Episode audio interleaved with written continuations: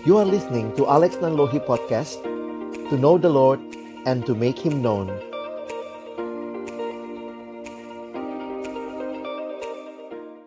Baik, selamat sore Bapak Ibu Saudara sekalian. Mari sama-sama kita berdoa sebelum kita membaca merenungkan firman Tuhan. Kami datang dalam ucapan syukur, memuji, menyembahmu ya Tuhan. Dan tiba waktunya bagi kami untuk membuka firman-Mu kami mohon ketika kami membuka firman-Mu, bukalah juga hati kami. Jadikanlah hati kami seperti tanah yang baik, supaya ketika benih firman-Mu ditaburkan, boleh sungguh-sungguh berakar, bertumbuh, dan juga berbuah nyata di dalam kehidupan kami.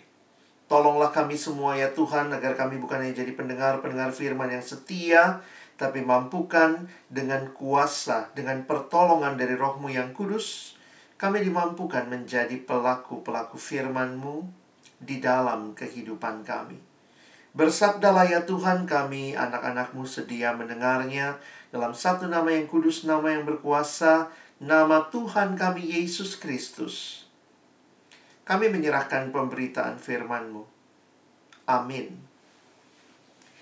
Ya, selamat sore Bapak Ibu sekalian, eh, para dokter, ada perawat juga dan mungkin staff dari uh, psikiatri di Universitas Indonesia. Kita bersyukur kepada Tuhan karena anugerahnya lah kita boleh dikumpulkan. Tidak ada hal yang kebetulan di dalam kita menghayati kehidupan ini. Karena itu kita terus boleh bersyukur. Kalau tadi uh, Dokter Sista juga katakan bahwa ada banyak anak Tuhan yang diberi kesempatan ya melayani atau mengecap pendidikan di uh, bidang ini, biarlah ini juga boleh jadi kesempatan untuk kita juga terus menikmati persekutuan dengan Tuhan dan dengan saudara-saudara seiman kita. Nah, uh, sore hari ini firman Tuhan yang akan sama-sama kita renungkan, saya coba uh, sebentar ya. saya coba share uh, slide ini dan kita akan melihat sama-sama di dalam tema yang diberikan kepada kita Body of Christ.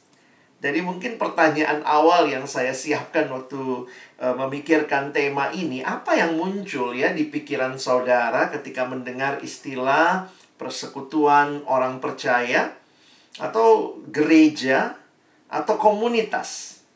Nah, setiap kita tentunya pasti punya uh, berbagai pendapat tentang hal ini ya. Dan gambaran yang diberikan di dalam Alkitab pun beragam. Ada gambaran yang kita bisa perhatikan di dalam Alkitab sejak Perjanjian Lama sampai kepada Perjanjian Baru. Karena kalau kita perhatikan, persekutuan orang percaya sebenarnya bukan baru di Perjanjian Baru adanya itu sudah berurat akar di dalam uh, kehidupan bangsa Israel sebagai umat yang dipilih Allah. Mereka yang dibawa keluar dari Mesir dan dibawa masuk ke dalam tanah perjanjian Allah. Dan itu akhirnya kalau kita perhatikan digenapkan lebih penuh lagi di dalam kehadiran gereja Tuhan.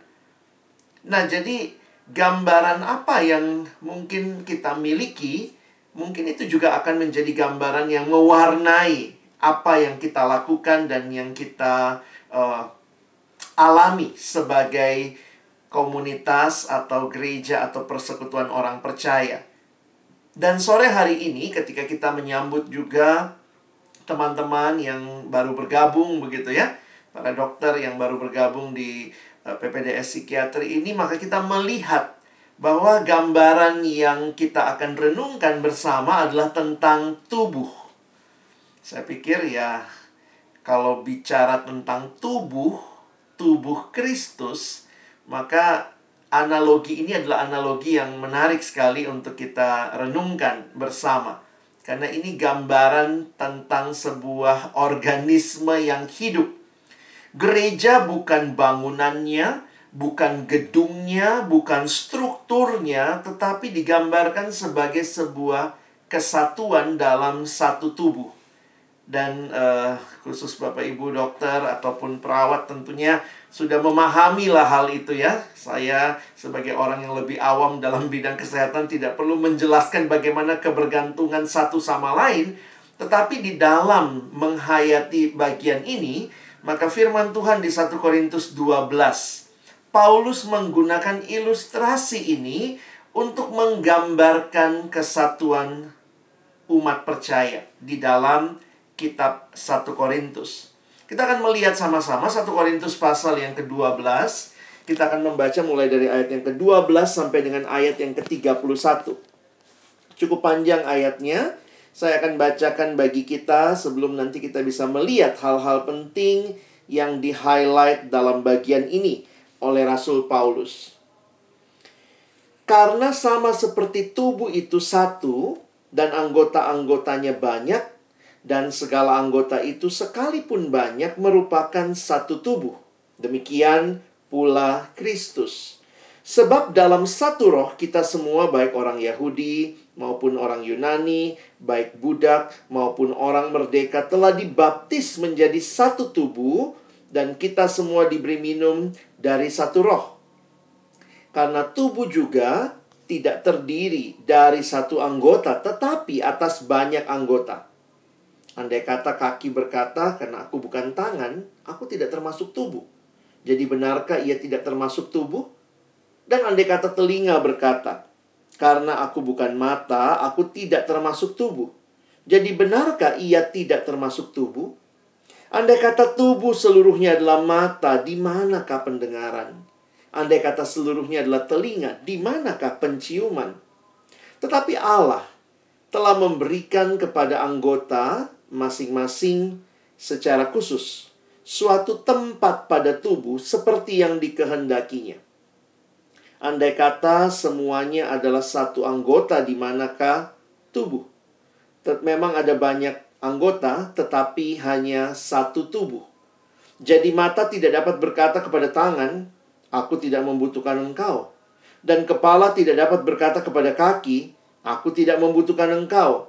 Malahan justru anggota-anggota tubuh yang nampaknya paling lemah yang paling dibutuhkan. Dan kepada anggota-anggota tubuh yang menurut pemandangan kita kurang terhormat, kita berikan penghormatan khusus. Dan kepada anggota-anggota kita yang tidak elok, kita berikan perhatian khusus. Hal itu tidak dibutuhkan oleh anggota-anggota kita yang elok.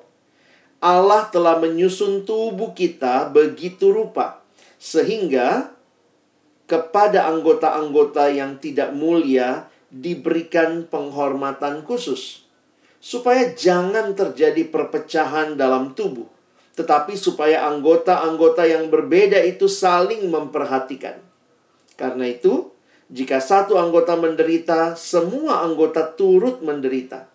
Jika satu anggota dihormati, semua anggota turut bersuka cita kamu semua adalah tubuh Kristus dan kamu masing-masing adalah anggotanya. Dan Allah telah menetapkan beberapa orang dalam jemaat. Pertama sebagai rasul, kedua sebagai nabi, ketiga sebagai pengajar. Selanjutnya, mereka yang mendapat karunia untuk mengadakan mujizat, untuk menyembuhkan, untuk melayani, untuk memimpin, dan untuk berkata-kata dalam bahasa roh. Adakah mereka semua ini? Adakah mereka semua rasul atau nabi atau pengajar? Adakah mereka semua mendapat karunia untuk mengadakan mujizat atau untuk menyembuhkan atau untuk berkata-kata dalam bahasa roh atau untuk menafsirkan bahasa roh? Jadi, berusahalah untuk memperoleh karunia-karunia yang paling utama dan aku menunjukkan kepadamu jalan yang lebih utama lagi. Sedemikian jauh pembacaan firman Tuhan, berbahagialah kita yang bukan hanya membacanya, tetapi juga merenungkannya, menerapkan dalam hidup kita, dan bahkan membagikannya. Saudara yang dikasihi dalam Tuhan Yesus Kristus, melihat panjang lebarnya penjelasan Paulus tentang kesatuan tubuh Kristus, tentu kita sudah langsung bisa sense ya. Sama kalau mungkin uh, Bapak Ibu sekalian yang biasa mendengarkan cerita dari pasien akan tahu ya ini akar masalahnya apa ini. Langsung kita bisa lihat, oh ada pergumulan perpecahan. Jemaat Korintus jemaat yang kaya dengan karunia. Mereka juga adalah jemaat yang banyak hal menjadi kemampuan mereka. Karunia rohani mereka banyak, tetapi timbul masalah di dalamnya ada perpecahan.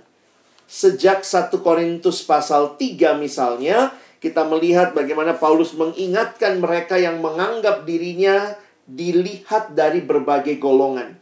Golongan Paulus, golongan Apolos, golongan Kefas, sehingga ini bahaya yang ternyata ada dan mewarnai perjalanan jemaat yang kaya akan karunia ini. Dan nampaknya karunia-karunia yang diberikan itu jadi self-centered. Menggunakannya untuk kepentingan diri sendiri. Jadi karena itulah Paulus menuliskan cukup panjang lebar mulai dari pasal yang ke-12 sebenarnya nanti Bapak Ibu Saudara bisa membaca sampai pasal yang ke-14 sebenarnya Paulus sedang mengadres isu yang sangat genting dalam jemaat di mana mereka justru menggunakan karunia mereka untuk saling melihat satu sama lain siapa yang lebih baik. Mereka menggunakan karunia bukan sebagaimana yang Tuhan kehendaki. Jadi memang kalau kita bicara komunitas, persekutuan, ya hari ini kita bicara rokris, saudara, begitu ya. Wah, kita mesti waspada ya, karena saya pikir apa yang terjadi pada jemaat Korintus kalau kita tidak hati-hati dalam kedagingan kita masing-masing, maka mungkin sekali hal yang sama terulang lagi. Karena itu mari kita serius melihat nasihat Paulus pada sore hari ini.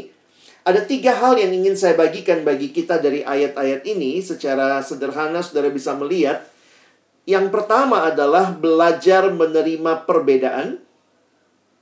Yang kedua kita akan belajar bagaimana menyikapi perbedaan. Dan yang ketiga kita belajar melihat ya berbagai-bagai karunia yang Tuhan berikan. Jadi ini hal-hal yang ingin kita bahas sore hari ini berkaitan dengan kita memahami apa artinya menjadi satu tubuh? Menjadi satu tubuh yang pertama adalah mari kita menerima perbedaan. Wah, ini nggak mudah ya. Karena memang kita adalah orang-orang yang senengnya mungkin semua orang nggak mesti satu dengan kita dalam dalam fisik mungkin. Tetapi kalau satu pikiran, wah kita rasa wah itu orang yang mendukung kita. Jadi memang uh, pergumulan menerima perbedaan ini pergumulan yang tidak mudah. Ya. Apa yang Paulus ingatkan, nanti Bapak Ibu Saudara bisa mencatat melihat bahwa yang pertama adalah coba terima perbedaan karena kita adalah satu tubuh kata Paulus dan terdiri atas banyak anggota. Ayat 12, ayat 14, ayat 17. Jadi sebenarnya agak tersebar ya Selalu dia tekankan satu tubuh banyak anggota. Nah, lihat ayat-ayatnya sebentar ya. Saya nggak usah baca ulang karena kita sudah baca tadi. Tapi kalau Bapak Ibu bisa lihat slide saya, coba lihat ayat 12, 14, 17, ayat 12. Satu. Karena sama seperti tubuh itu satu, anggotanya banyak. Lalu nanti bicara lagi, satu tubuh. Ayat 14, satu anggota tapi bukan dari satu anggota ya, tetapi atas banyak anggota. Mari lihat ayat 17 misalnya. Jadi ini memberikan gambaran bahwa ada perbedaan. Tubuh bukan hanya mata, tapi ada mata, ada telinga, ada penciuman. Jadi semuanya adalah satu tubuh, banyak anggota. Dan ayat yang ke-27 diingatkan kepada kita bahwa kamu semua adalah tubuh Kristus dan masing-masing adalah anggotanya. Jadi ini satu realita yang teman-teman dan saya kita semua tidak bisa sangkali.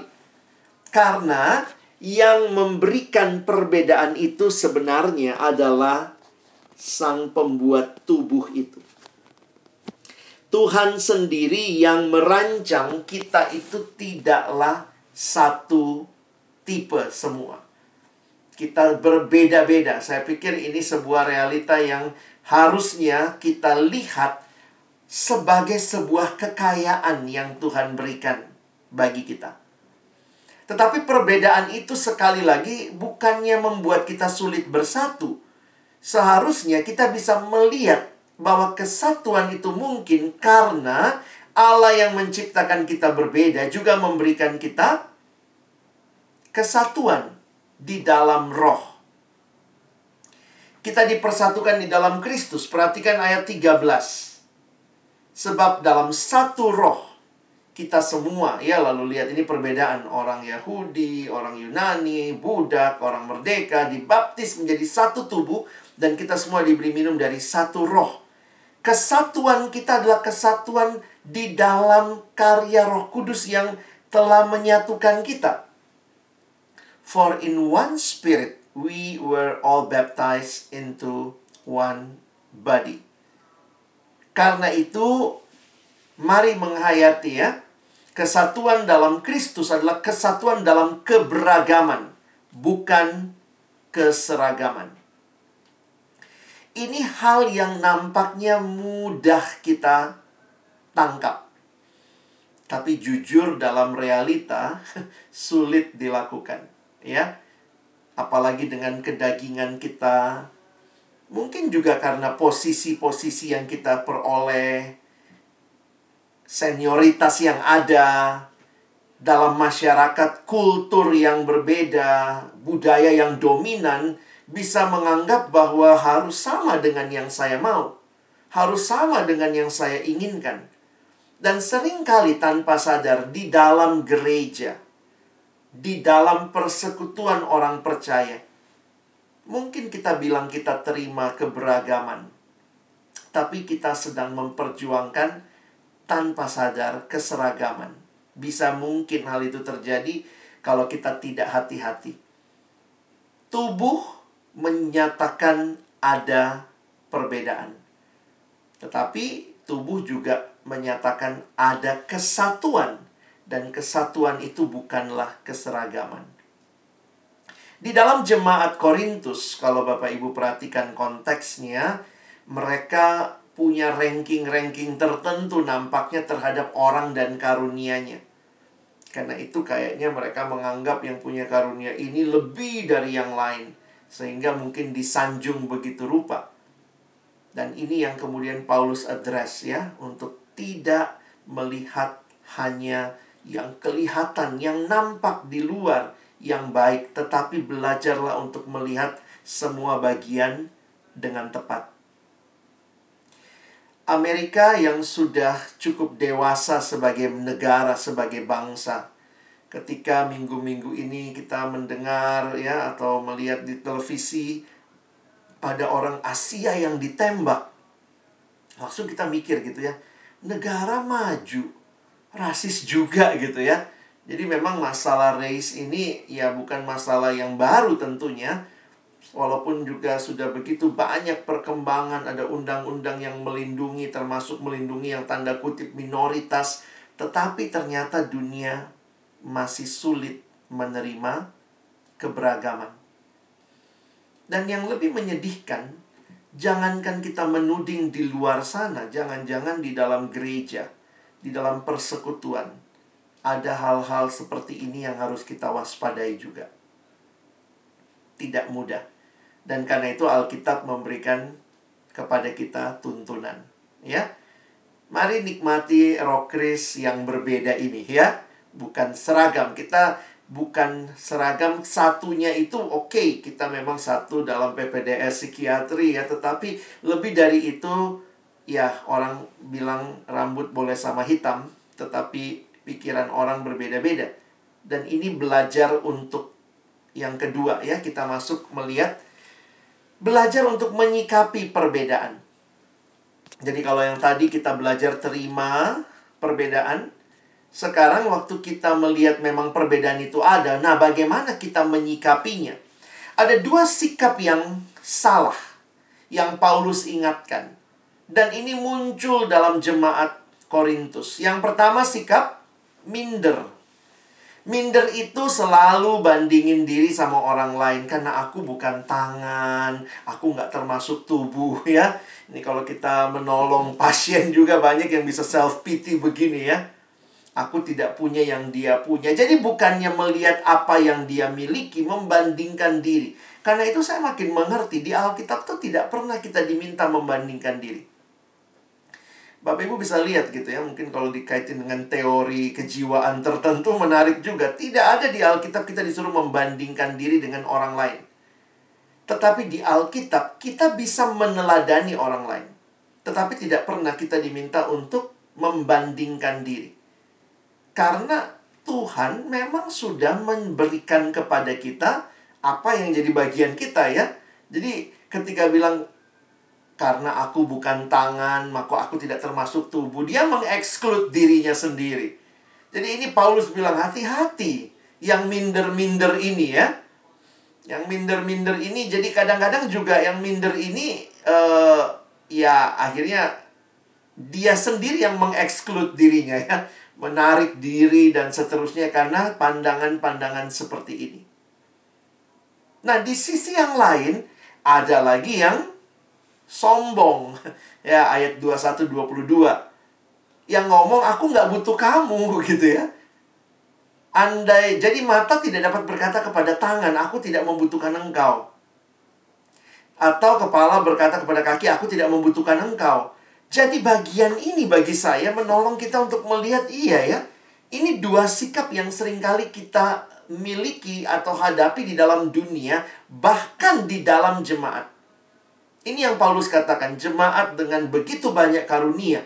Ketika yang satu melihat karunianya segala-galanya, lalu bisa merasa sombong. Yang lain membandingkan diri, saya nggak punya karunia kayak dia. Merasa minder. Ini kalau kata anak sekarang ya, ini jemaat yang toksik ya. Satu sisi minder, sebagian jemaatnya, sebagiannya lagi sombong. Karena itu Paulus mengingatkan bagaimana menyikapi perbedaan sikap yang seharusnya ayat 18 terima bahwa ini semua desainnya Allah. Dan Allah yang mendesain itu telah memberikan kepada anggota masing-masing secara khusus suatu tempat pada tubuh seperti yang dikehendakinya. Belajar untuk melihat.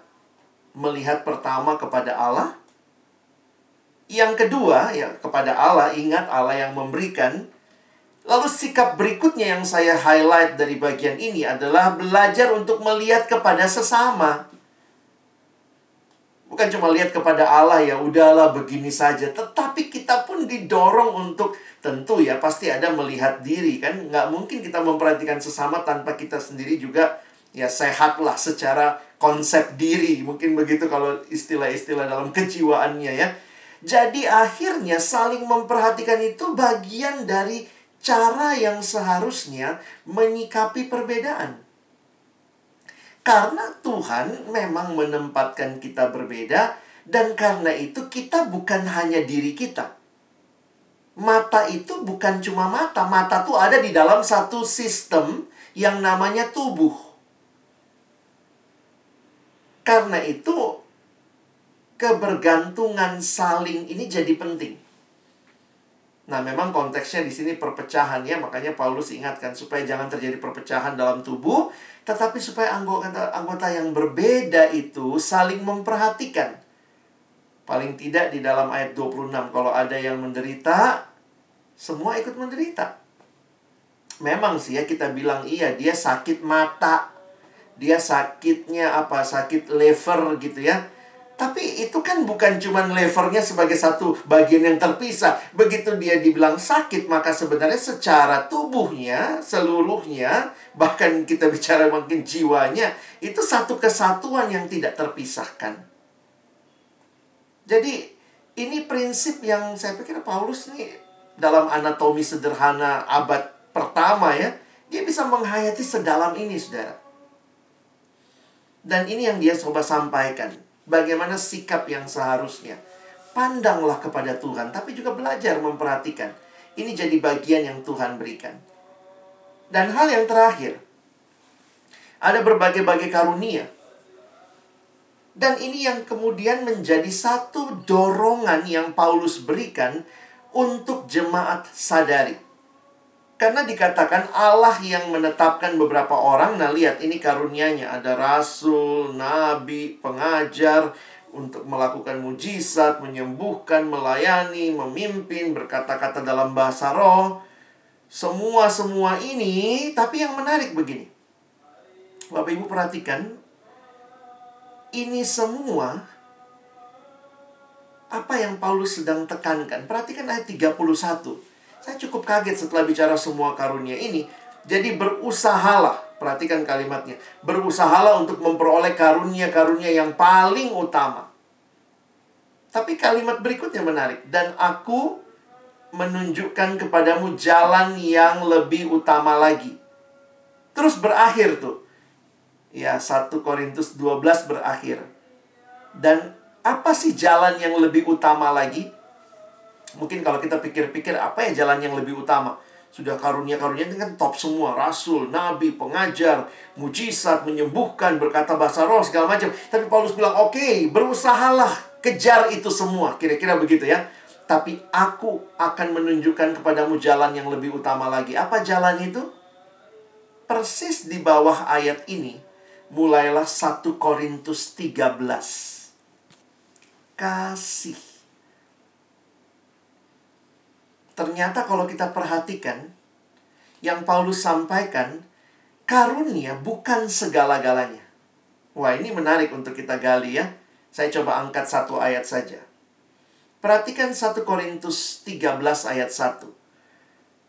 Kalau tadi ada yang bisa bahasa roh ya, ada yang punya karunia menyembuhkan. Tiba-tiba Paulus ngomong begini. Ini a good self-reflection ya. Ayat pertama.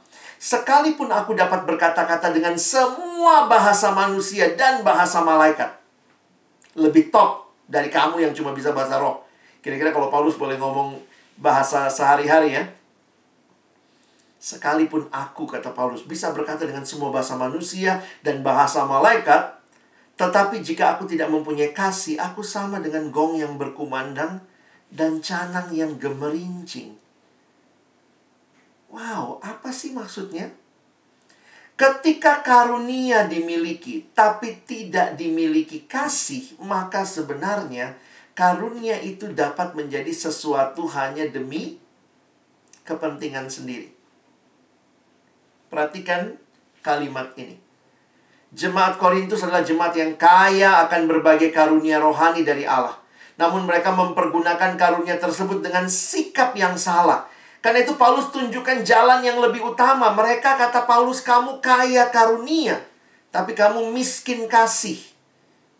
Kenapa miskin kasih?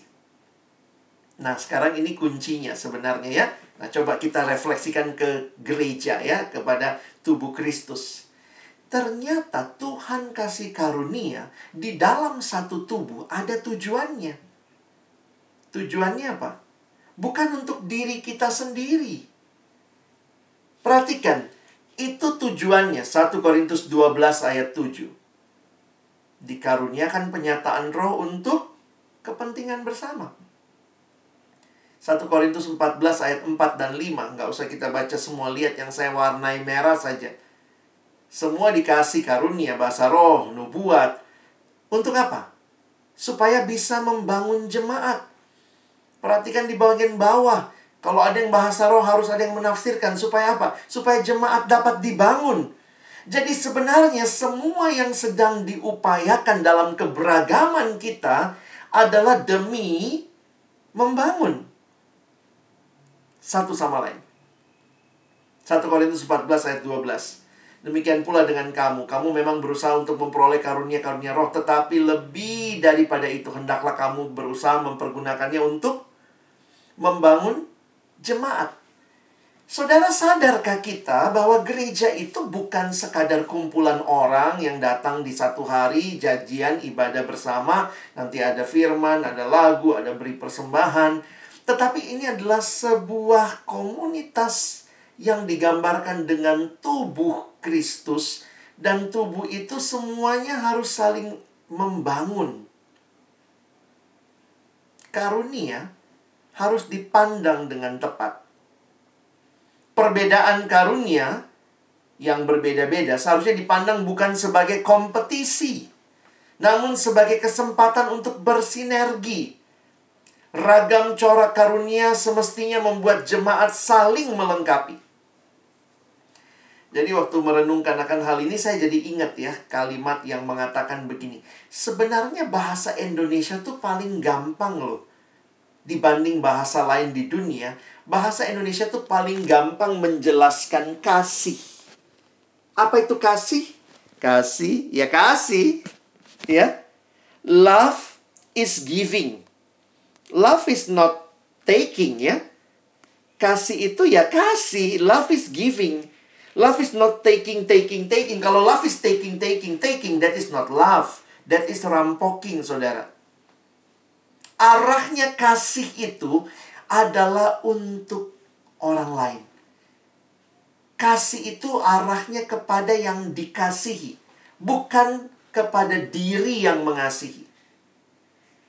Jadi waktu saya pikir-pikir ya, pantas ya Paulus bilang, kamu punya semua karunia. Tapi bukannya kamu berpikir tentang orang lain, kamu pikir tentang dirimu. Kamu jadi sombong yang punya banyak karunia. Kalau nggak punya tahu-tahu jadi minder. No, karunia semua yang ada dinikmati keberagaman di dalam jemaat sebenarnya adalah cara Tuhan untuk membangun kita satu sama lain. Sadarkah saudara? Kadang-kadang kita kalau datang ke gereja, ke persekutuan, kita selalu berpikir gini ya, saya dapat apa?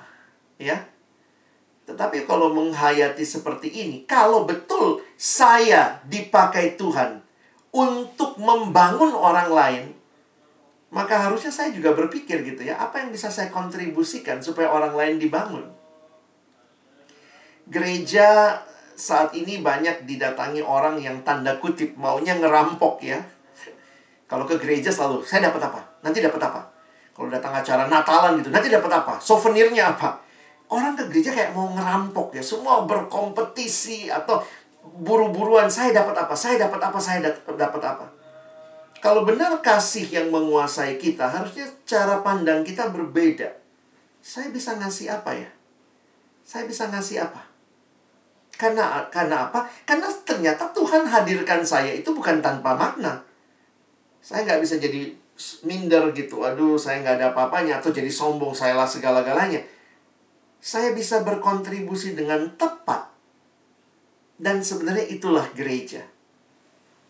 Satu kesimpulan yang saya ambil dari sebuah buku yang saya baca, buku ini membahas ayat-ayat ini dalam dua bab. Bab pertama dia tulis begini, tubuh Kristus membutuhkan kita.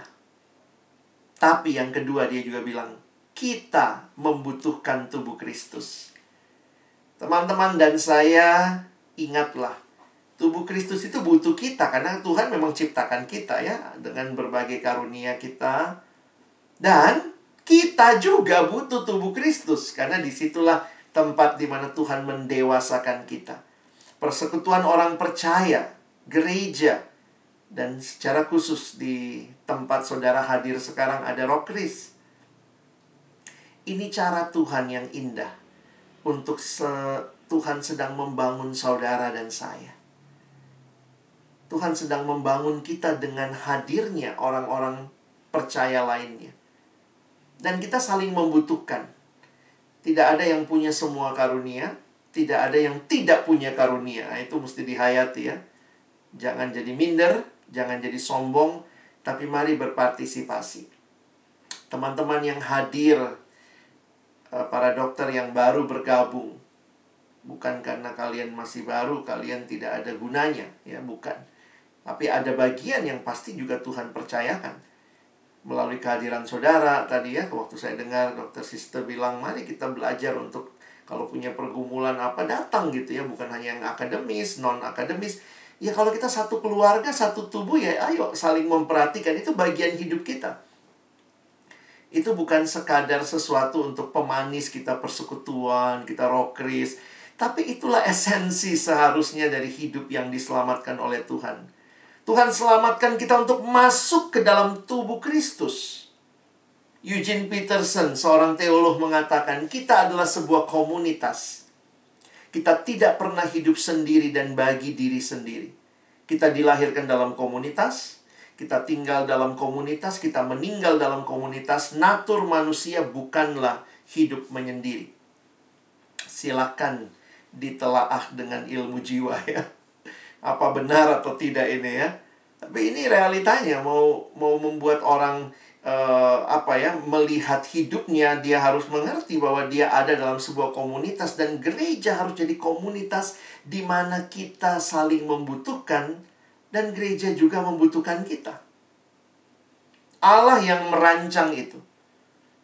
Allah yang menghendaki manusia untuk saling mengasihi. Kejadian 2 ayat 18 berkata tidak baik kalau manusia itu seorang diri saja. Siapa yang berkata tidak baik? Allah. Jadi manusia makhluk sosial itu bukan sekadar teori sosiologi. Itu jelas rancangan Allah. Setelah Allah ciptakan semua dikatakan baik, baik, baik, baik. Tiba-tiba dikatakan di kejadian 2.18 tidak baik. Pertama kali di Alkitab kita muncul kata tidak baik. Adalah ketika Allah berkata tidak baik kalau manusia itu seorang diri saja. Aku akan menjadikan penolong yang sepadan dengan dirinya itu menunjukkan kita makhluk yang dirancang bukan single ya, bukan tunggal gitu. Bukan bukan berdiri sendiri, tidak. Kita bergantung kepada Allah dan kita diberikan sesama sebagai companion kita menjalani hari-hari kehidupan. Karena itu pendeta John Stott mengatakan sebagaimana ikan dibuat untuk air. Umat manusia dibuat untuk kasih. Pertama-tama untuk mengasihi Allah dan mengasihi sesama.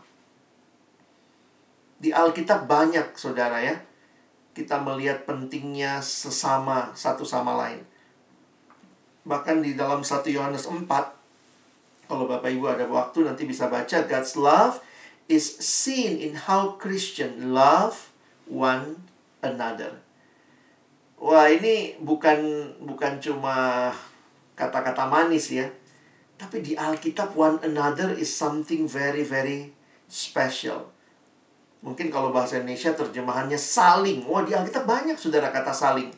Atau bahasa Inggris one another ya. Ini paling tidak yang saya dapat juga ya.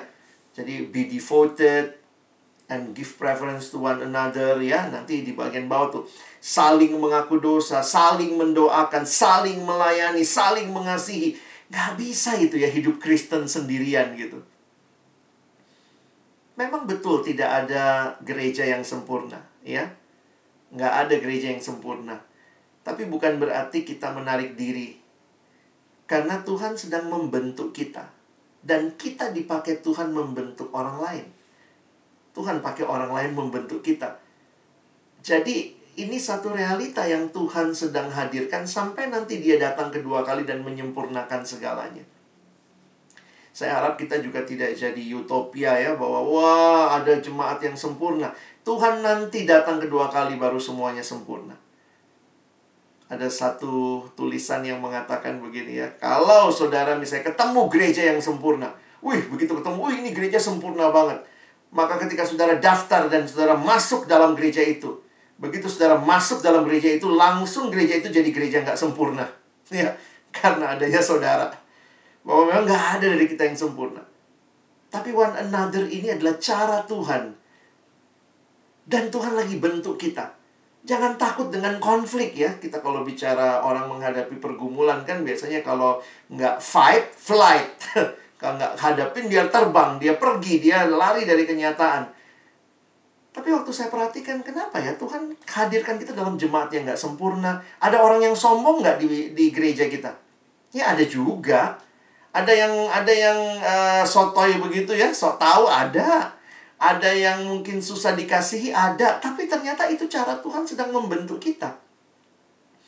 belajar mengasihi, belajar mengampuni gitu ya. Satu anak pernah datang sama saya, dia bilang, Kak Alex saya kesel banget gitu ya. Dia baru jadi pengurus rokris, pengurus persekutuan. Dia bilang, saya pikir jadi pengurus itu suasananya sorgawi, Kak. Ternyata nerakawi. Wah, kenapa? Ternyata ada satu teman, itu kalau ngobrol, kalau rapat ya, kalau orang Chinese bilangnya itu mereka ciong gitu ya. Katanya nggak pernah bisa ketemu pendapatnya. Yang satu ngomong begini, satu bilang, nggak begitu ah gitu ya. Jadi dia bilang, akhirnya gue nggak cocok kak sama dia. Terus kemudian saya bilang, kamu mau ngapain ya? Saya mau keluar dari pelayanan katanya. Terus saya bilang sama dia, saya tanya, kamu pernah doa nggak minta kesabaran? Pernah sih kak. Nah ini latihannya nih ya. Tuhan hadirkan. Tuhan lagi bentuk kamu sabar dengan mengizinkan kamu menghadapi orang-orang yang bikin kamu nggak sabaran begitu ya. Tidak semuanya akan berjalan seperti yang kita mau, tetapi seperti yang Tuhan mau, Dia tidak sedang meninggalkan kita. Dia hadir dan sedang mendampingi membentuk kita melalui tubuhnya. Tubuh Kristus kurang banyak, teman-teman. Kurang banyak Bapak Ibu sekalian, one another-nya. Saya tambahin ya. Silakan PA sendiri ayat-ayatnya. Alkitab banyak sekali one anothering. Karena itu, sekali lagi selamat datang buat teman-teman yang baru bergabung. Tentu ini bukan persekutuan yang sempurna. Kalau saudara cari persekutuan yang sempurna, ya eh, nggak ada gitu ya. Persekutuan Rokris ini pun bukan persekutuan yang sempurna, tapi Tuhan yang sempurna hadir di dalamnya. Dan Tuhan sedang membentuk kita. Kita butuh persekutuan ini. Persekutuan ini butuh kita. Kita saling membutuhkan. Paling tidak dalam perjalanan kita bersama-sama ada di PPDS ini.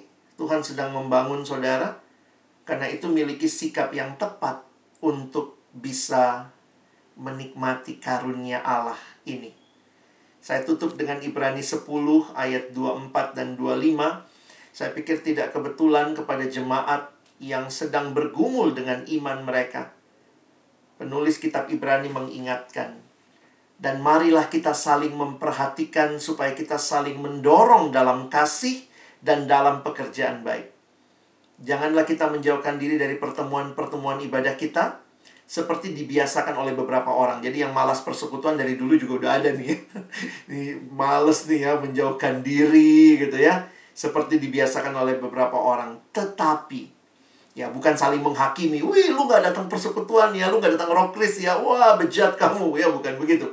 Tapi marilah kita saling menasehati dan semakin giat melakukannya menjelang hari Tuhan yang mendekat. Nikmatilah kesempatan yang Tuhan berikan ketika saudara dan saya boleh menikmati persekutuan. Itu cara Tuhan yang sedang mendewasakan saudara. Sekali lagi, tidak ada persekutuan yang sempurna. Satu waktu saya tanya, ingat pertanyaan saya di awal tadi? Saya tanya sama satu teman, apa yang kamu ingat kalau dengar kata persekutuan? Tiba-tiba dia ngomong, munafik. Wah, kaget saya ah orang-orang Kristen, orang-orang persekutuan munafik semua.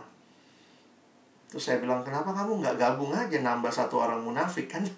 Jadi makin indah kita saling membentuk karena Tuhan tidak tidak meninggalkan yang munafik. Tuhan sedang bentuk dan saya berharap kita benar-benar jadi keluarga yang di dalamnya Tuhan sedang membentuk kita dan memakai kita membangun satu sama lain. Kiranya Tuhan menolong saudara-saudara untuk menikmati roh kris ini, menikmati tubuh Kristus, dan di dalamnya kita pun boleh bertumbuh di dalam Tuhan. Mari kita berdoa. Tuhan terima kasih buat firman-Mu. Sekali lagi kami bersyukur karena Tuhan tidak pernah meninggalkan kami. Di tengah-tengah menjalani studi sekalipun, Tuhan pun memberikan persekutuan. Roh Kris ini hadir karena Tuhan mengasihi kami. Tuhan mengasihi setiap orang yang ada di departemen psikiatri ini Tuhan. Sekali lagi kami menyerahkan diri kami agar kiranya kehadiran Tuhan melalui persekutuan yang Tuhan berikan boleh kami responi dengan baik. Tentu kami banyak kegiatan, banyak kesibukan, berat yang harus kami lalui. Tetapi kami diingatkan, kesempatan-kesempatan bersekutu dengan Tuhan menjadi hal yang kembali menyegarkan jiwa kami. Dan di dalamnya kami boleh terus bertumbuh dan bahkan boleh jadi berkat bagi sesama. Terima kasih Tuhan. Pakailah roh kris ini menjadi roh kris yang membawa banyak jiwa kepada Tuhan bertumbuh di dalam Tuhan, dan bahkan jadi berkat bukan hanya di lingkungan kami yang sesama anak-anak Tuhan, tapi juga bagi mereka yang ada di sekitar kami yang belum mengenal Tuhan, biarlah mereka boleh melihat Tuhan yang hidup yang kami saksikan di dalam dan melalui roh kris kami ini. Kami sekali lagi bersyukur di dalam nama Tuhan Yesus kami berdoa. Amin.